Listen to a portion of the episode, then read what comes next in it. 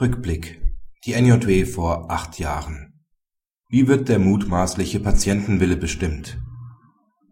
Die Voraussetzungen, wann der Abbruch einer künstlichen Ernährung allenfalls zulässig sein kann, hat die Rechtsprechung in einigen Entscheidungen näher umschrieben. So auch das OLG Düsseldorf in der NJW von vor acht Jahren (NJW 2001, Seite 2807). Nur wenn der Betroffene zu einer eigenen Entscheidung nicht mehr in der Lage sei, könne auf dessen mutmaßlichen Willen abgestellt werden. An die Feststellung dieses Willens seien strenge Anforderungen zu stellen. Wie der mutmaßliche Wille zu ermitteln ist, beschreibt nun die gesetzliche Regelung zur Patientenverfügung. Konkrete Anhaltspunkte für den mutmaßlichen Willen müssen nach § 1901a Absatz 2 Satz 2 BGB vorliegen. Dabei sind insbesondere frühere mündliche oder schriftliche Äußerungen, ethische oder religiöse Überzeugungen und sonstige persönliche Wertvorstellungen des Betreuten zu berücksichtigen.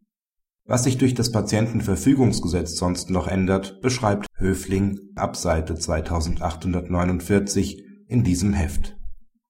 Textbausteine für eine Patientenverfügung und ergänzende Aussagen nach neuem Recht stellt das Bundesjustizministerium im Übrigen unter www.bmj.de zur Verfügung